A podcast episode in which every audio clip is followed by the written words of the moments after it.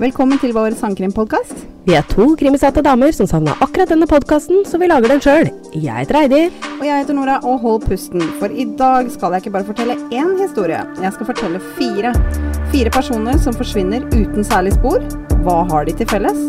De dukket opp igjen. Mange, mange år seinere.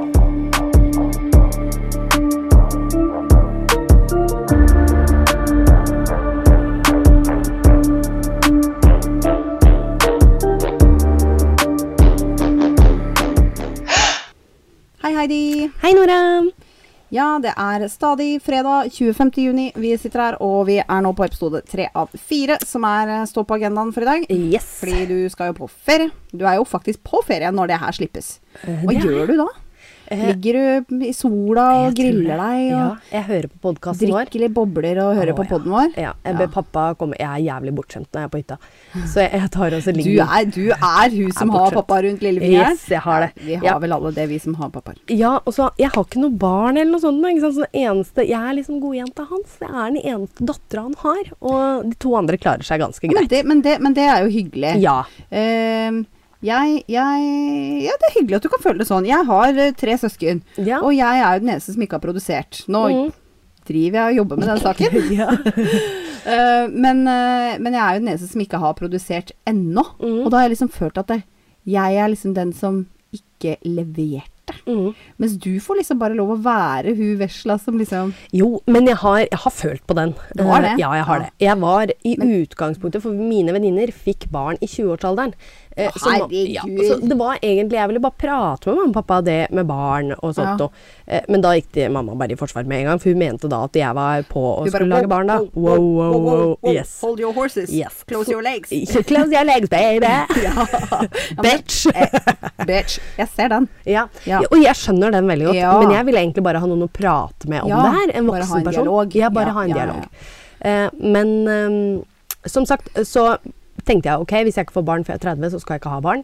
Eh, Ja, det tenkte Så- vi alle på et tidspunkt, men ja. eh, den har gått til 35. Nå ser det ut som den nærmer seg 40. Jeg gjør det. Eh, eh, ja, Mm. så, men jeg har også slått meg til ro med hvis jeg ikke får barn, så er det greit, det òg. Du er jo verdens kuleste tante. Ja. Og det er ja. jo det som er litt fett. Altså, tantebarna mine, spesielt døtrene til søsteren, Mm, altså De bare syns jeg er verdens kuleste. ja, det er det. Eh, og det er litt morsomt, fordi når jeg var lita, og søsteren er sju år eldre enn meg, så da syns jeg at hun var verdens kuleste. Jo. My, my, my, how the tables have turned. So how the tables have turned. Ja, for nå er det jeg som er den feteste, råeste, kuleste. Ja. Og det liker jeg. Det, det er så morsomt. Veldig komf med det. Det er det. Ja. Jeg leier jo av min eh, eh, Jeg har to brødre, men han mellomste, da, som er bare ett år eldre enn meg, han bor jo i andre etasje her. Eh, og han har en sønn som snart da er to år, og han er litt sånn innimellom litt sånn skeptisk på meg, selv om jeg er der veldig ofte. Uh, ja, du bor her, liksom. Ja, så jeg er det veldig ofte. Ja. Eh, og innimellom så er han sånn, ser på meg så bare Nei, du kan ikke ta meg. Flyr Men i går, så, eller for to dager siden, så var jeg der oppe. Og da hadde han spist pannekaker med masse blåbær. Så det var blåbær blåbær over hele han. Av alle dager, da skulle de gi meg en klem. Jeg bare Du bare Nå? eh, nå, Velger du nå? Velger du nå, alle dager? Så jeg bare La pappa få lov til å vaske deg litt først, da.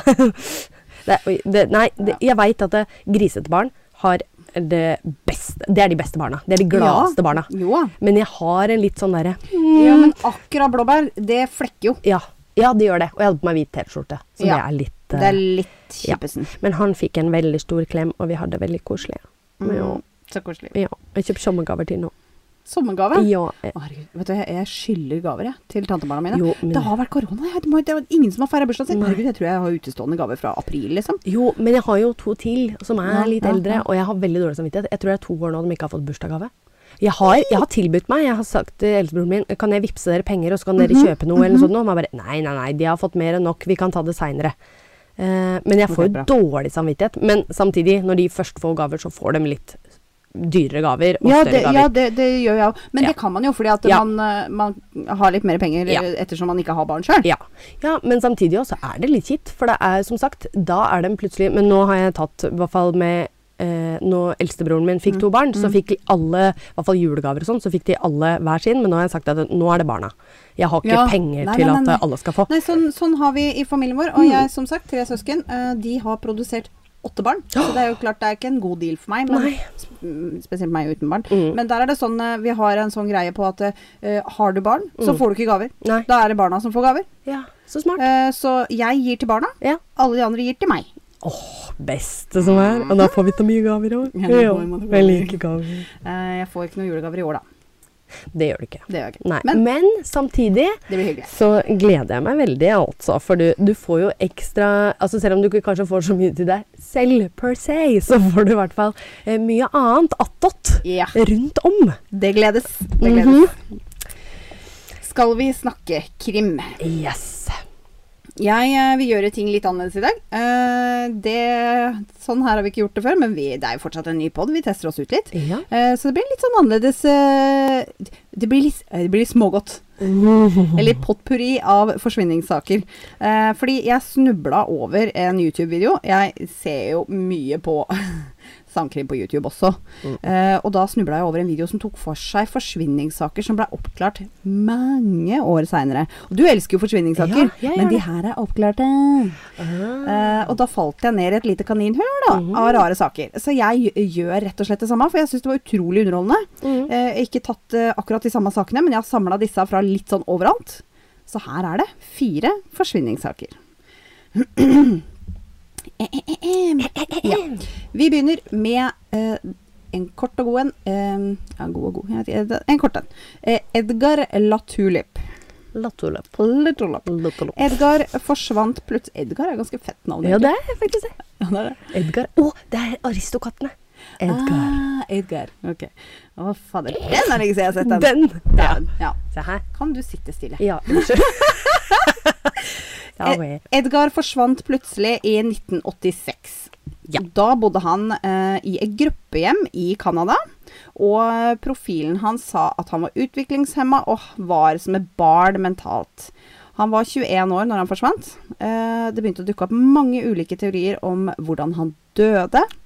Og eh, siste gang moren så han, eh, så var han på sykehuset hvor han var innlagt eh, fordi han hadde prøvd å ta livet sitt. Wow.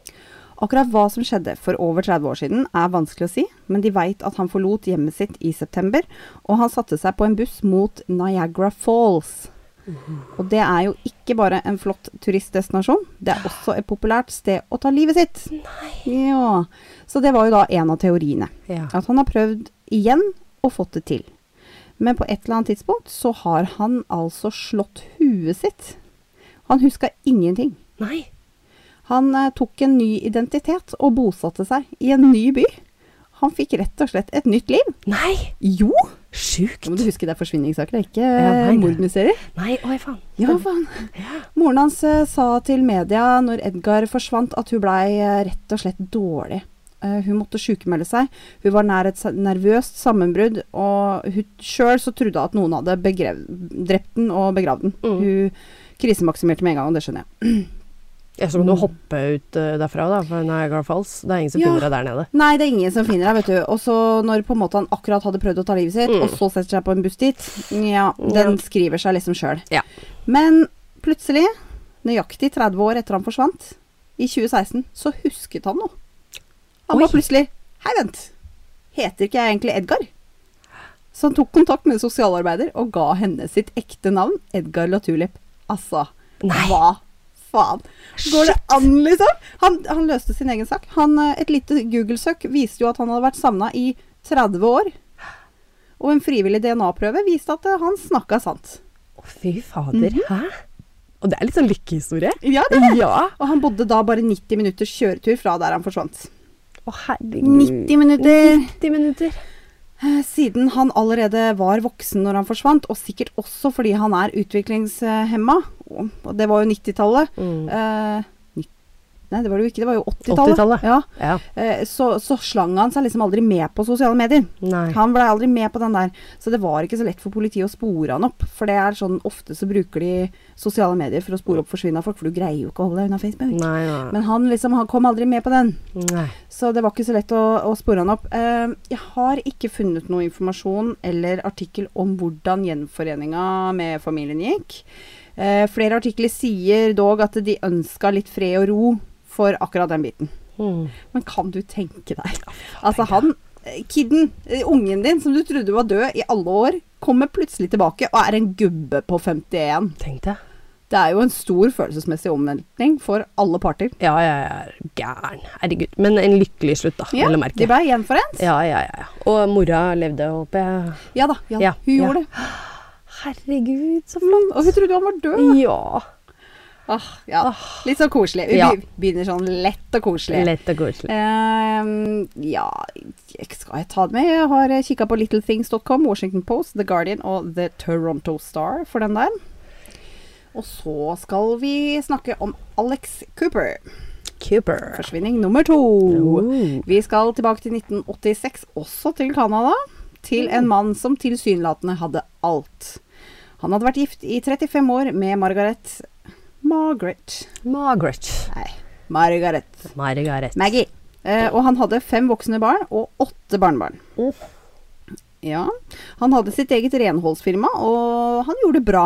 Så ville han bytte beite og starta et nytt firma. Han kjøpte seg en bil med en lite lasteplan og begynte å levere matvarer.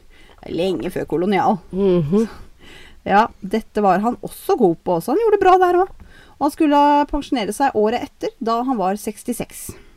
Så skulle pensjonere seg i 87. Ja. En av døtrene hans hadde vært i nabobyen og handla, og kjørte tilfeldigvis forbi bilen til Alex på vei hjem. Hun stoppa for å se om han trengte hjelp, for den sto der bare i veikanten, men han var ikke der. Så hun kikka ned til elva som rant langsmed veien for å se om han sto og fiska. Men han gjorde ikke det. Og hun blei jo litt bekymra, da, så hun ringte hjem. Eh, og moren hennes sier da at eh, Alex kom aldri hjem fra jobb dagen før. Ok. Og hun har heller ikke sett han. Eh, Dattera bare eh, ok, eh, kontakter alle sykehusa i byen, Mhm. men han var ikke der heller. Eh, så til slutt så kontakter de politiet, som kommer for å undersøke. Og i bilen finner de jakka og fiskeutstyret til Alex. Og bilen virka, så det er ikke derfor den sto der langs veien. Så de begynte å finkjemme den lille byen for vitner. Og da fant de noen som sa de så han den dagen han forsvant, på en restaurant. Ok. Kona hans, uh, Margaret, Margaret, forteller at uh, Alex alltid pleide å ha med seg kontanter. Store mengder kontanter. Og teorien til politiet var at han hadde blitt rana. At noen så kanskje hvor mye kontanter han hadde når han skulle betale på restauranten, og rana han. Mm. Teorien til dattera, den Det er nesten så dat- dattera har en bedre teori Mm. sånn sett utenifra, bortsett fra at Ja. Eh, teorien til dattera er at han gikk ned til elva eh, hvor de fant eh, bilen hans, og for å sjekke liksom forholda, for han skulle jo sikkert fiske, eh, og så sklei eller hadde et illebefinnende, og så var det veldig sterk strøm i elva, sånn at han kan ha blitt dratt langt av gårde. Mm. Men eh, uansett hvor mange teorier de har, så har de ingen bevis. Dagen etter så går politiet ut i media og spør om hjelp fra et litt breiere publikum. Og telefonene renner inn, og det gjør egentlig ikke ting veldig mye lettere. For det er flere som sier de har sett han langs veien hvor han sto og haika. Nei. Altså, en ektemann, en far, en bestefar med egen business og alt på stell, Stell. går fra bilen, som fungerer utmerket, står og haiker. Neimen. Eh, politiet Hva da? Har han fått et illebefinnende, Ja, eller? han har plutselig fått eh, Ja. Plutselig fått sånn derre slått seg i huet av noe. Ja, ja. Politiet tror nå at han har dratt av egen frivillige. Mm. Familien nekter å være med på det. Alex er tross alt en holden mann som har alt, og han skulle pensjonere seg snart. Det var jo ingenting å rømme fra. Han var savna i over et år, og kona antok han var død. For å få han erklært død, så jeg tror i hvert fall det var det som var formålet, om hun skulle ha pensjonen hans eller et eller annet, så måtte hun i hvert fall ha fødselsattesten hans. Men hun fant den ingen steder. Så hun dro til Nasjonalarkivet for å få en kopi, men de hadde ingen. Det var ingen fødselsattest i navnet Alex Cooper utstedt i hjembyen hans det året han var født. Nei! Mm. Ikke nok med det, Heidi. De hadde han ikke i systemet der før han plutselig dukka opp i 1952. Og vi er nå i 1987. Alex er 66, dvs. Si, i 1952 var han 29. Og hva dukka opp i 1952? Det var en ekteskapslisens, for det var da de gifta seg. Ja. Det er første gangen navnet hans er registrert. Å, shit. Altså, Det her er sjukt. hva gjør du da? Da hadde jeg tenkt, hvem faen er jeg gift med? Ja. Herregud, jeg tenkte, tenkt Nei. Det, det er Nei, gud, så skummelt. Ja, det, det er Han må leve et dobbeltliv. Ikke sant, ikke sant, ikke sant. Um, åra gikk, da. Mm. Og Alex var jo stadig borte. Det skjer ingenting før fem år seinere, i mai i 1991. 3500 km borte, en snau 35 timers kjøretur, får politiet i Toronto en savnetmelding på en David Cooper. Politiet tok seg inn i leiligheten hans, fant et bilde av David og la det til i databasen. Og nå skjønner du sikkert hva som skjer. Det matcha jo Alex, for det er samme person. Ja.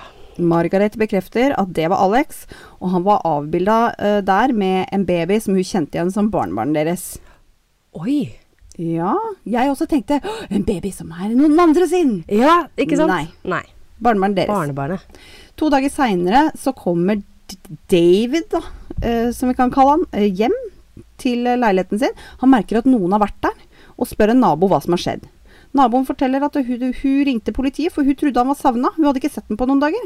Han hadde bare vært utenombys på noe forretningsreise. Det tok litt lengre tid enn planlagt. Mhm. Eh, det her gjør at David blir veldig nervøs.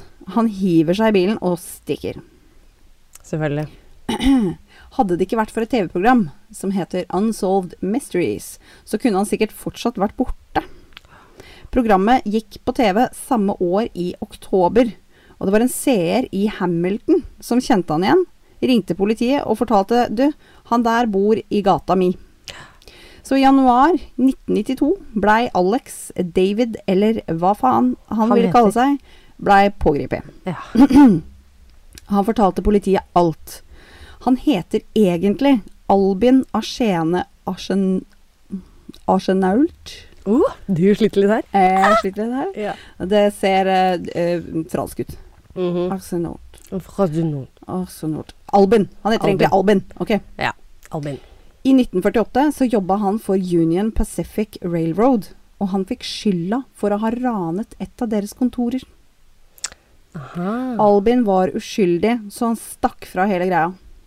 Og når han møtte Margaret, så presenterte han seg som Alex Cooper. Og når han nærmet seg pensjonistalder, så måtte han ha en fødselsattest for å få pensjonen sin. Og da skjønte han at nå kommer hele korthuset til å rase sammen, og han stakk. Han ville ikke at familien skulle få vite sannheten. Og det er det som er skikkelig teit, eh, eller ganske ironisk, er at han ble frikjent fra anklagene nesten med en gang, før han gifta seg. Fordi de fikk dømt den ekte raneren. Nei. Det var liksom samme året. Så han har vært på rømmen siden 48 for ingenting. Ingenting. Stemmer det. Fy faen. Herregud. Har han ikke researcha dette sjøl engang? Nei liksom? Nei da. Hvordan gjør, hvordan, kan du fortelle meg hvordan du researcher Nei, uten Google? Nei, det er for så vidt sant. Det var ikke internett på den tida der. Ah, Nei, det er litt vanskelig. Der er vi 92 Ja. og 48. ja, det er sjukt. Det fant 44 år seinere. Å, herregud. Ja, det var vidt. Eh, familien hans tilga han. Nei. Ja, Oh, og han levde sammen med de resten av livet. Ja, han gjorde det. Eh, Margaret døde i 1996. Og Albin, eller Alex, eller David, eller whatever the fuck, Ja. døde i 2007. Ja. Han var borte i fem år. Tenk om mannen din har vært borte i fem år, Ja. og så skal du bare plukke opp og leve som normalt. Ja. Han kunne fått ni år til med kona, men når han kom hjem etter fem år, så døde jo hun bare fire år etterpå. ja. Herregud. Jeg syns han var skikkelig dum. Ja, herregud. Come clean, liksom. Ja. Eh, altså, eh, er det én du skal liksom kunne fortelle alt, så er det jo faen kjerringa di, ja. Ja, det er det. ja. Herregud. Der har jeg kikka på Unsolved Mysteries Wiki og Life Stories på YouTube, og jeg har vært inn- innom nettsiden Ranker for den der. Det er ikke dumt. Ikke dumt. Eh, hva syns du så langt? Liker du smågodt? Ja, jeg liker smågodt. Ja. Veldig godt med smågodt. Ja, det godt med smågodt. Ja, godt med smågodt. kort og godt. Ja. Ja. Uh, slipper å konsentrere deg så hardt. Det er Ja, sånn der, vet litt sånn Litt, altså, altså, ja, Oi, der var den løst. Og ferdig. Ja, ferdig. og så løst òg, det er fint. Ok. Eh, Paul Fronsack er vår neste nummer tre her. Smågodt nummer tre. Uh, ring, ring, bjelle. Den, har- den har fått litt sånn medieoppmerksomhet, skjønner du. Eh, han har tidligere tjent i Hæren, og han har eh, vært innom eh, Han har vært litt skuespiller òg, litt sånn forskjellig. Han har en spesiell bakgrunn. For han blei nemlig kidnappa fra sjukehuset i Chicago av en kvinne kledd ut som en sykepleier i 1964. Rett etter fødsel. Ja. Én dag etter fødsel. Har du hørt? Ja, jeg tror jeg. Han ble funnet igjen to år seinere. En guttunge som matchet eh, sånn som de trodde han ville se ut, uh, blei da funnet forlatt i et varehus i New Jersey. Og foreldrene, som hadde sørga i to år, aksepterte han som sønnen sin, og oppdro han fra da. Mm. Når han var ti år, rett før jul, leiter han etter julegaver. De hadde noen sånne boder i kneveggen eh, i huset. Et perfekt gjemmested. Han var så nysgjerrig. Han skulle se hvor er pakkene Ja, selvfølgelig. Alle gjorde ja, det. ja, ja, ja. Eh, så han krabba inn i, i de der kneveggene, da. Unnskyld. så bra. Ha, det ser Ah, det er så godt ut. Nei da. Cola. Cola. Ehm, han krabba inn i kneveggen i boden der ehm, for å leite etter julegaver, og i stedet så fant han noen esker med en del avisutklipp med sitt eget navn på. Så han gikk til mora si og spurte eh, hva er det her, og hvorfor står navnet mitt her? Mm. Og hun fortalte han at eh, han blei kidnappa når han var liten, men de fikk han tilbake, de elsker han, og la oss aldri snakke om det igjen. Ok. Ja. ja. Ferdig med det. Ferdig med det. Han hadde en gryende mistanke om at det kanskje ikke stemte når han blei eldre. Mhm. Han følte aldri helt at navnet Paul stemte. Han følte seg liksom ikke som en Paul. Ehm, og han så broren hans hadde liksom faktene og trekkene til faren deres, men han hadde ikke arva noen ting. Nei. Men han var jo glad i familien sin, og han ville ikke opprøre de. Nei. Uh, Så dette skura og gikk, helt til han var i slutten av 40-åra.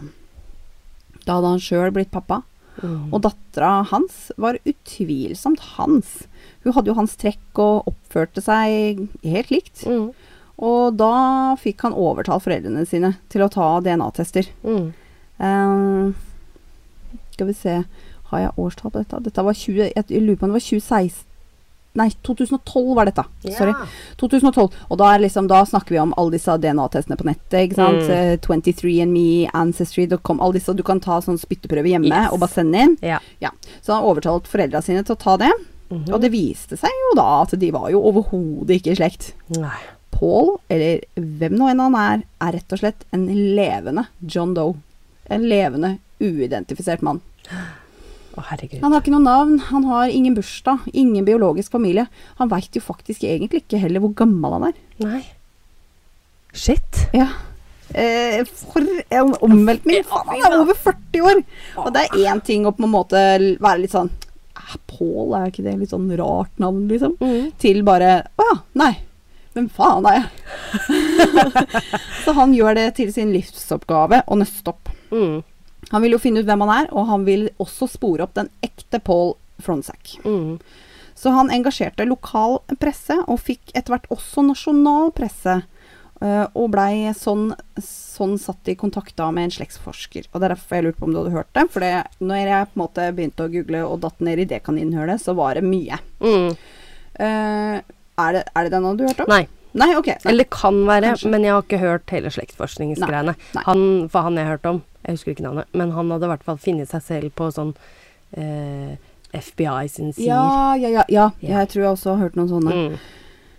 Uh, slektsforskeren CC Moore samler et team og uh, kasta seg løs på oppgaven med iver. Eh, databasene til disse DNA-testene som vi snakka om i stad, sånn 23andMe og Ancestry.com og alt det der, de var mye mindre når de begynte med det her, for det var jo 2012. Mm. Nå er det jo ganske store databaser. Mm. Men allikevel så lasta de opp DNA-et hans på alle tilgjengelige databaser, og tok utvida tester. Mm. Han trodde jo på en måte Han bare 'Å, dette skal jeg finne ut av nøste opp av. Han trodde kanskje Ja, et par uker, kanskje en måned, så var det gjort, liksom. Nei. Det er ganske mye større enn det. Ja. To år inn i granskningen. Oh. Så ringer Sisi til Paul og spør hva syns du om navnet Jack. Mm. Paul svarer jo godt navn, det. Sterkt og stødig. Og hun sier det er navnet ditt. Og ikke nok med det, men han har også en tvillingsøster som heter Jill. No. Og det er ingen som veit hvor hun er. Å nei. Nei. Du veit barnerimet, det engelske barnerimet. Jack and Jill went up the hill. Ja. Ja. Jack og Jill. Veldig. Eh, litt funny likevel. Mhm. ja. Så ja, nei, ingen som veit hvor Jill er. Like etterpå så fikk de også et tips via Paul Han bruker fortsatt det navnet. Mm. Sånn at jeg må bare fortsette å kalle han det, sjøl om Mm. vi nå veit at han egentlig heter Jack. De fikk et tips via Paul sin Facebook-side om at det var en mann i Michigan som potensielt kunne være ekte Paul. Ekte Paul hadde en datter som ga DNA, eh, og det ble sammenlignet Jeg tror liksom ekte Paul var litt sånn Jeg tror ikke han egentlig ville finne ut av det. Nei, nei, ikke sant. Det er en jævlig omveltning, da. Ja, ja, ja. Når bare Å ja, hele livet mitt er en løgn. Ja. Og altså Ekte-Pål Mm. blei jo Det her er bilder, da. Det skal jeg legge ut. Det er et bilde av en dame med en baby på vei ut av et sjukehus. Mm. Blei jo kidnappa. Mm. Tenk om han ble oppdratt av henne. Ja, ikke sant. Jeg veit ikke om jeg ville visst det. Nei. Nei. Nei. Så ha- han var litt nølende. Ja. Eh, men eh, dattera hans ga DNA. Mm. Og det ble sammenligna med noen i Fronsak-familien, og det var jo en match. Ja, jeg vil jo vite alt om Ektepål, øh, og hvordan liv han har hatt. Um, men jeg, jeg kan ikke gi noe svar. Nei. Fordi altså, Ektepål blei satt i kontakt med sin biologiske mor, Mm. altså mora til fake-Pål. Mm. Eh, sånn at de blei litt kjent med hverandre. Uh, litt, i hvert fall. Mm. Fordi Ektepål døde av kreft. Oh. Og Ektepål og fake Paul, de har aldri snakka sammen. Nei.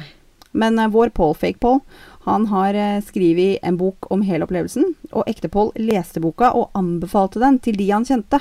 Ja. Så, sånn at det på en måte han, han kjente til han og hadde på en måte respekt for eh, det han drev med, men Mm. de fikk faktisk aldri snakka sammen. Nei. Uff, det er litt trist. Litt lite. Ja. Det her er den som er minst forløsende. Mm. Uh, som ikke er så digg fordi at du kan nøste opp alt. Mm.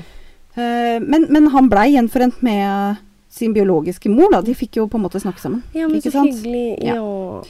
Um, de har også vært veldig opptatt av å beskytte identiteten til Ektepål oppi alt, fordi at han har jo kanskje liksom hatt litt nok da med, med kreft og sånn. Mm. Så de ville vel at han skulle få litt fred og ro, for det har vært sirkus. Alle vil jo ha svar. Mm. Jeg òg. Ja, det skjønner jeg jo. Men hvem er vår Paul? Ja. Er han? Og Jill blei født i Atlantic City i 1963, så plutselig så er han jo faktisk et år eldre. Oh, ja, ikke sant. Det kan du se. Det hadde vært ubehagelig. Mm. Det hadde vært ubehagelig. Tenk om jeg hadde fått vite noe at det Nei, Heidi, du er 35. What? Men hadde det ikke vært like ubehagelig hvis de bare Nei, Heidi, du er 31. Ja, men Åh, nei, det er fint å gå nedover. Jeg liker det. Nei, ikke så mye. Oi, oi, oi, oi, oi. Nå, ja. Ikke så veldig kult hvis du hadde vært 20. Nei. Nei. Men eh, i 30-åra, det kan gå nedover. Ja, det er helt ok, fint. 30. Det kan stoppe der. Jeg er veldig fornøyd. eh, Hvor, hvor gamle blir vi i år? 34? 34. ja. Veldig fornøyd. Ja. Når har du bursdag, egentlig? 27. juli. 27. juli, ja. Det er snart. Ja, og du er i august, ikke sant? Det er jo et par dager til. Ikke, det er jo ikke overdriv, da. Det er sikkert eh, i August, ja. Da er det en måned til, sånn at uh, vi ser Ja, hverandre Juni. Eh, Juli. Vi er løver. Ja. Du og jeg. Ja, faen. Ja. Vi er jo like, vi. Vi er like. Du er 27 og jeg er 17. Det var sånn 17, ja. ja var sånn det var. August. Mm. Det blir så kult. Ja. Herregud. Så det vil si neste gang vi podder, så er vi nå ganske nærme bursdagen, Ja, siden vi nå spiller inn for ferien din. Mhm. Eh, ja. eh, Jack og Jill. Eh, født i Atlantic City i 1963. Begge foreldrene deres er dessverre nå døde. døde. Mm. Eller er det dessverre? For det som dukka opp, var en mørk historie. Eh, for han fant ut at eh, Altså, han blei jo funnet forlatt i et varehus. Det er klart at det, liksom, det er kanskje ikke han kom fra det ryddigste hjemmet. Mm.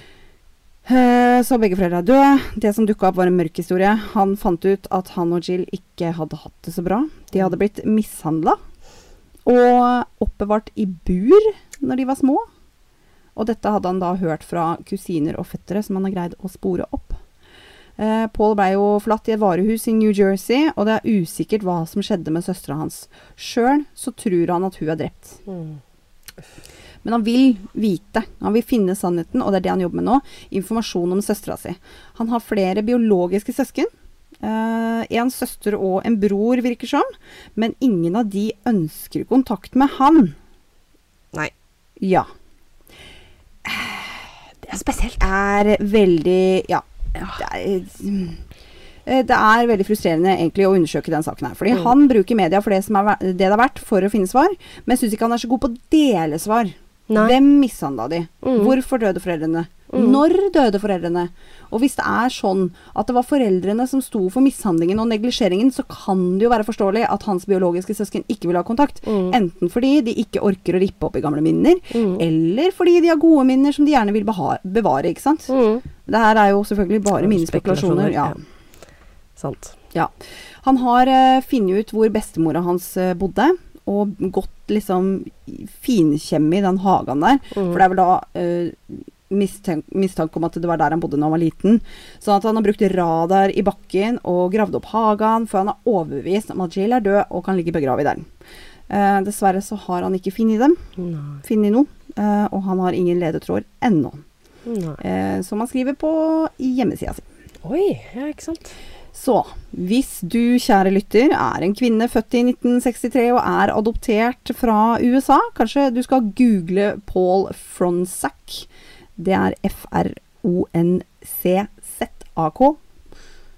Eh, ja, uh, google han, så kan du se illustrasjon av hvordan Jill kanskje ser ut i dag. Se om det ser kjent ut. Spennende. Og denne saken her er jo pågående. Mm. Uh, det er nok mye Paul veit uh, sjøl som ikke han deler med alle. Selvfølgelig. Det, det sier jo seg sjøl. Men uh, han, har, han har også skrevet en bok. Den, eh, den er nok interessant. Mm. Og jeg, jeg veit ikke. Han er kanskje Han bor i Las Vegas, og han, ser, han er litt sånn selvrev og litt sånn solbrun. Og han er Ja. kanskje sånn som sparer detaljene til boka, så Mm. du må kjøpe svara. Kjøpe svaret, Kan hende. Men jeg kan. tror kanskje det kan være en interessant bok. Ja, er du gæren. Ja. Så her har jeg kikka på Ishi Report. Jeg har vært inne på nettsida til Paul, som heter Foundling Paul. Mm. og sett på 8 News Las Vegas. Uhu. Forsvinningssak nummer fire. Virø. Virin. Tanja Cash. Mm. Tanja var 14 år i 1996, og foreldrene hennes skulle skille seg. Uh, og hun var like forstyrra som alle andre emosjonelle tenåringer. Var du, var du forstyrra, Heidi? Ja. Ja. Jeg var nok et mareritt. Altså storebjørnen min han kalte meg fjortis, jeg var over 20. Og jeg tror det var med god grunn. Jeg hadde et helvete. Jeg, jeg, jeg har sagt det til mamma og pappa jeg, den dag i dag. Vet du hva? Takk for at dere holdt ut med meg. Jeg Ja. var, jeg var så ufyselig. Ja. Altså, det var ikke det. Jeg hadde veldig respekt for alle andre voksne og alt mulig sånt, noe, men når jeg var 14 år, fy faen, jeg hadde lyst til å slå til meg sjøl. Når jeg tenker tilbake på det. Ja, jeg, jeg lest, Altså, jeg skrev dagbok hver eneste dag fra Mm. liksom 14 til typ 24. Mhm. Og når jeg leste gjennom de dagbøkene fra tenåra Jeg bare pælma de, jeg. Ja, det skjønner Jeg jeg. kasta dem. Ja. Det, nei, Jeg bare Oi. Eh, nei takk. For jeg, jeg var veldig søt og snill. Jeg var veldig god Jeg gjorde ikke noe Jeg gærent gjorde i den forstand. Nei. Herregud, jeg var korpsnerd. Ja. Ikke noe gærent. Men jeg var jeg bare et hormonelt mareritt. Hata mamma og pappa, liksom. Ja. Nå elsker jeg dem overalt på jord, men altså ja, dere er jo på ferie sammen. Ja, ja, ja. Jeg elsker dem, men eh, Ja. Nei, det Jeg vet ikke om det var, liksom, om det var mutter'n og fatter'n som irriterte meg. Jeg syns de kunne være jævlig teite, men det, Ja. ah, jeg har Det var jo ikke noe gøy, ikke sant? Du ville jo være med venner og gjøre hva du ville. Ja. Det var noe der. Og så hvorfor kan ikke de bare liksom respektere at det, jeg kan, må sitte der når de skal se på nyhetene, så kan jo de for faen sitte der når jeg skal se på The Osbournes. Ikke sant? Liksom, skjønner du ikke? Å, og jeg, det var, gikk alltid sport på TV-en vår. Oh my god. Åh, det er en grunn til at jeg hater sport en dag. Ja, eh, vi hadde bare én TV, ikke sant? Mm, yes, den sånn var det På den 90-tallet når vi vokste opp. Ja, akkurat den argumentasjonen eh, leser jeg i dagboka mi, og da pælmer jeg igjen. Ja. Så. Mhm. Da har jeg utlevert meg der. Ja. Så eh, Tanja, fjortis. Fjortis. Ja. ja. Um, det her er USA, det òg. Jeg har vel sikkert skrevet hvor det er en et eller annet sted, men det er USA. Mm. Um, hun hadde ikke noe godt forhold til noen av foreldrene sine på dette tidspunktet, så, hun- og hun følte seg veldig aleine. Altså, de skal skille seg, og hun kommer ikke noe særlig godt overens med noen av de. Det er litt sånn som deg, da. Ja. Hvis det hadde skjedd med deg, Oh. når du var 14, og Mm. du ikke egentlig likte noen av de, oh, og så skulle de skille seg, ja, Ja. da føler jeg kanskje litt aleine. Ja. Hun blei god venn med Thomas Hose, en sikkerhetsvakt på skolen, som var 25 år eldre enn henne. Mm. Det vil jo da si at han var 39 når hun var 14. Å, herregud. Åh. De blei gode venner. Tanja forteller at uh, han var en fyr hun hadde tillit til. Han hadde jo uniform og navneskilt og hele pakka. Han virka veldig pålitelig. Thomas pleide å hente henne fra timene sine, og de snakka sammen hele, hele tida. Og en dag så kyssa han henne. Ja. Kødder du? Han overtalte henne til å rømme hjemmefra. Ja. Uh, hun gjorde det. Hun dro hjem til Thomas, og Thomas bodde med foreldra sine og en sønn. Mm. Sønnen til Thomas var to år yngre enn Tanja. Seriøst, for et catch. 39 år og bor hjemme med mamma og pappa. Mm. Har en tolv år gammel sønn. Ja. Ja, altså Sønnen hadde passa bedre for henne. ja, faktisk. Eh, han gjemte henne på rommet sitt. Foreldrene hans ante aldri at hun var der. Hun var stuck på rommet hans i en tid hvor man ikke bare kunne scrolle på telefon. Mm. Hva var det jeg sa for noe? Var det 90, 96? Mhm. Altså, fuck my life. Mhm. Hun fikk eh, komme ned eh, innimellom når de andre hadde lagt seg. Eh, I hvert fall én gang i uka for en dusj, og innimellom for et varmt måltid. Hun syntes høytider var det vanskeligste. Hun tilbrakte flere julaftener i et skap. Hun Altså, ja, jeg sa flere. Mhm. Eh, hun var fullstendig hjernevaska. Uh, det var ikke alltid hun fikk gått på do, så hun hadde en bøtte. Som du skjønner nå, så er det snakk om en lang periode. Ja. Hun bodde med kidnapperen, sin i ti år. Ja. Å, herregud. Eh, Tanja var ikke ute av huset de første fem åra. Eh, Thomas fortalte Tanja at det var ingen som brydde seg om henne. Foreldra var ikke glad i henne. I år eh, 2000, da var vel Tanja ca. 18 år, da presenterte Thomas eh, foreldrene sine for kjæresten sin, Nikki Allen. Altså Tanja. Mm. Eh, han fortalte de at Nikki kom til å flytte inn. Og da, siden hun var på en måte ute av skapet, Mm. bokstavelig talt, for Ja. hun tilbrakte mye tid i et skap, um, så fikk hun mye mer frihet. Uh, hun fikk gå mye mer fritt i huset, og innimellom så fikk hun også gå ut av huset. Mm. Og med tida så fikk hun mer og mer frihet. Hun fikk gå i kjerka og på butikken. Dette her, hele opplegget, det begynte jo på en måte frivillig. Mm. Eller, eller hva skal man si. Altså, er det forhold mellom en 14-åring og en 39-åring noen gang frivillig? Nei. Altså, de vil jo aldri stå på lik fot når det gjelder maktfordeling i forholdet. Nei, nei. Nei. Det begynte jo, det begynte jo med at Tanja rømte hjemmefra, og hun dro til Thomas, Mm. som hun trodde liksom at det var hans venn. Og det er klart at det er litt sånn en eldre mann i uniform. Mm. Du, ja. Ja, du ser En hver jo- fjortis hadde gått i den fella. Ja, ja, ja. Sjøl om han var i faen ikke noe fruktfat. Nei, nei. Nei. Eh, deretter så blei hun fortalt i så mange år at det var ingen som brydde seg. Så hun blei i bunn og grunn bare rett og slett hjernevaska. Men når hun fikk mer frihet til å slippe ut av huset, så begynte hun å se det at forholdet hennes var kanskje ikke helt normalt. Nei. Eh, han fortalte alle at hun var et år eldre enn det hun var, men hun fikk beholde fødselsdagen sin. da. Sånn at eh, på en måte han måtte jo lage en, et alibi, eller lage en ny personlighet på en måte til henne. Mm. Um, hun hadde tider hun måtte være hjemme til hver dag, og hun fikk ikke bestemme noe særlig sjøl. En dag når hun var ute og handla aleine, så hadde hun fått nok. Uh, hun snakka med en eier av en kafé og sa 'Jeg heter egentlig Tanja Cash. Uh, søk meg opp uh, søk, søk opp navnet mitt, og kontakt politiet'. Oi, så bra. Ja. Ja. Eh, En nabo av Thomas forteller NBC News at han så aldri Tanja før den siste tida, kanskje bare det siste året, før saken kom fram. Mm. Og han sa nei, hun var ei søt, uskyldig jente i nabolaget som snakka med alle, som, men hun kjappa seg alltid hjem før Thomas kom hjem fra jobb. Ja, ikke sant. Ja. Thomas Hose blei dømt i 2007 for ufrivillig og avvikende seksuell samleie, overgrep, seksuell omgang med mindreårig, påvirkning av mindreårig, øh, blant annet. Det var flere som ikke jeg orka å oversette. Nei.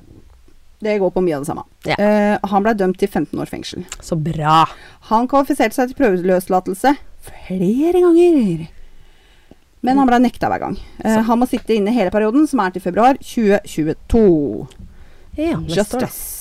Yes. Yes. Justice, bitch. Jeg har kikka på NBC News, USA Today, Facebook-siden til Tanya Cash og CBS News. Um, det var jo eh, forferdelig når på en måte han var Han kvalifiserte seg for prøveløslatelse første gang etter fem år, og hun var hos han i ti.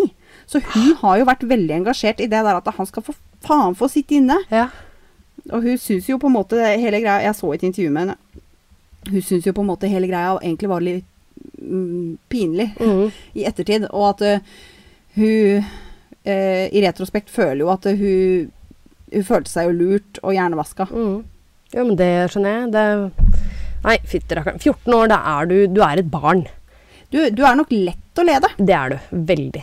Så du kan, Kan- på en måte ikke ja. stå til ansvar for det. Det er en grunn til at du ikke blir dømt uh, i fengsel heller som Ja. en voksen før du er For hjernen din er ikke ferdig utvikla. Jeg syns at disse uh, Altså, de, de tiltalepunktene han fikk, Mm. Uh, syns jeg var veldig pusete. Ja, Jeg syns vi kunne liksom Nei, det skulle vært uh, verre. Det skulle vært liksom skulle vært kidnapping Ja, og voldtekt. Og, og voldtekt, Ja. rett og slett. Altså avvikende Ufrivillig Pedofil. og avvikende seksuelt samleie. Kødder du med meg, eller? Er. Hun var 14. Mm. Han var faen nesten 40. Mm. Det har ikke noe å si at du gikk ut døra sjøl, ass. Nei, Nei. faktisk ikke. Eh, han er jo også overgrep da, og seksuell omgang med mindreårige, men hvor, hvor er den voldtektstiltalen? Mm. Ja, hvor er den, da? Og frihetsberøvelse? Mm. Hvor er den? Nei. Nei, uh, jeg, nei jeg, han kunne sitte litt til. Det kunne Det kunne. det Han burde jo få dobbelt av det hun fikk. Ja, ja, ja er du gærent? I hvert fall. Ja. Herregud. Ti år er lenge, ass. Hun, hun er gift i dag, da. Åh, Eh, og hun har vel Hun har ikke noen egne barn, men hun, er, hun har blitt stemor. så bra. Ja, så Ja. jeg tror hun har det bedre. Ja, Ja. det er godt å vite. Ja. Uff, ja. Hvordan de klarer seg etterpå, det er helt utrolig. Jeg, jeg så Ja, og det var sånn der jeg kikka også på da liksom eh, en video som tok for seg på en måte at eh, ja, det er jo kommet flere avsløringer om kvinner som hadde vært uh, fanga over lengre tid, og da nevnte de jo også Elisabeth. Ja, selvfølgelig. Ja. Åh, helt fantastisk. Så det er egentlig nesten rart du ikke hadde hørt om den da. Nei, det er faktisk veldig rart. Men jeg har kjøpt en bok, vel å Ja, som jeg okay. skal lese i sommer. Okay. Og det er litt uh, Det er samme tilfelle som det her, faktisk. Ja. At uh, hun gikk hjemme, hjemmefra, holdt jeg på å si. Mm. Uh, frivillig, mener jeg. Men Ja. hun, blir, eh, hun blir holdt fanget i en sånn uh, et bur eller noe sånt. Da. Ja, det er Å helt sjukt. nei! Ja, det er helt sjukt. Ja. Å, jeg Og har hørt om noen sånne burhistorier. ja. Det er forferdelig. Så jeg skal lese den, da. Skal Ja. vi se hva det blir til etter sommeren. Tanja har også skrevet en bok eh, som heter eh, da på engelsk 'Memoirs of a Milk Carton Kid'. Oi, såpass, ja. Hun har jo også vært på melkekartongen. ja. Mm. Oh, ja. Det er noen sånne regler hvorfor det ikke I hvert fall her i Mm, Jeg leser Jeg tør ikke å uttale meg så høyt om det her, men det Men var gjør du for det? Jeg gjør det for det, vet du. Ja, Jeg er freidig som du er. Jeg er freidig som jeg er. Men det er noen sånne regler, tror jeg. Freidig-Heidi, det er faen meg kallenavnet mitt, ass. Freidig Heidi. Har du aldri hørt det før? Nei! Det må jo være Altså at ikke det sto på russekortet ditt. Ja, det er veldig rart. Men beklager, Freidi Heidi, Nei, vær så god, ordet Men ditt. det, det var noe sånn i forhold til dette melkekartonggreiene, i forhold til savnede barn, at det ikke er lov lenger. Jeg veit ikke helt hvorfor, men det var kanskje noe I i, forhold til Ja, var det i USA, eller om det var i For Norge? her, det husker her jeg ikke. har, vi jo, har vi noen gang hatt tradisjon for å gjøre det her. Eh, Ok, nå er vi på dyp vann. ja, nå er vi veldig. Ingen kommentar. Ok. Hva syns du om smågodt, da? Smågodt. det? Du, det var veldig gøy. Det var det? Ja, det var det. Da går det an å gjøre det litt sånn Vi kan ta litt smågodt innimellom. Ja, ja. Jeg tror det er interessant for lytterne òg. Ja, og nå er vi på rett over 40, sånn at da var det sånn Herregud. passe god lengde Det var veldig fin lengde. Herregud. Bra. Så flott. legger ut bilder fra alle sakene, i hvert fall én fra hver sak. Det kan Ja. fort bli flere fra noen av de. Det blir litt det. Kan fort det. Uh, Ja. Så da får dere gå og se på Instagram og på Facebook, hvor uh, du kan søke oss opp, og vi heter Hold pusten pod. Mhm, Følg med oss, og så Ja. ses vi om en uke. Det gjør vi. Vil du tease? Ja, jeg kan tise litt, vet Ja. du. Skal vi se her. Jeg skal faktisk ta for meg en norsk sak. Nei, Jo, skal du det? Jeg skal Så det. bra. Fin avslutning, holdt Ja, jeg på å si. på kjempebra. Ja. Så jeg skal det. Um, jeg skal ikke tise for mye, men jeg Nei. kan si at eh, den er fra eh, vår tid. Jeg husker jeg oh. så den her på Dagsrevyen. Wow. Ja, og jeg har alltid vært eh, Og den var uoppklart i mange, mange år. Er den oppklart nå? Eh, Den er oppklart. Oh my god! Endelig er den oppklart. Yay. Så det skjedde på i 1999. Så det er jo faktisk ikke Men jeg husker den veldig godt. Og det er i Larvik-området. Oi, oi, Så det er ganske nært hjemme, som vi er fra Drammen. Så da, eller du, ja. Vi er jo fra derfra. Så er det en time unna. Vi har hytte på Stavern, og det er jo ikke langt unna. Nei, det er det ikke. Så dette blir spennende. Bra. Ja, men Ja. da bare kutter vi her, Heidi, så kan vi gå rett på innspillingen av den, for nå ble jeg nysgjerrig. Ja. kan jeg hente litt øl først? Vil du ha mer drikke? Nei, jeg har cola ellers, takk. Du har cola. Ja. Ja. Eh, så ja, folkens, eh, snakkes. Ha det. Ha det!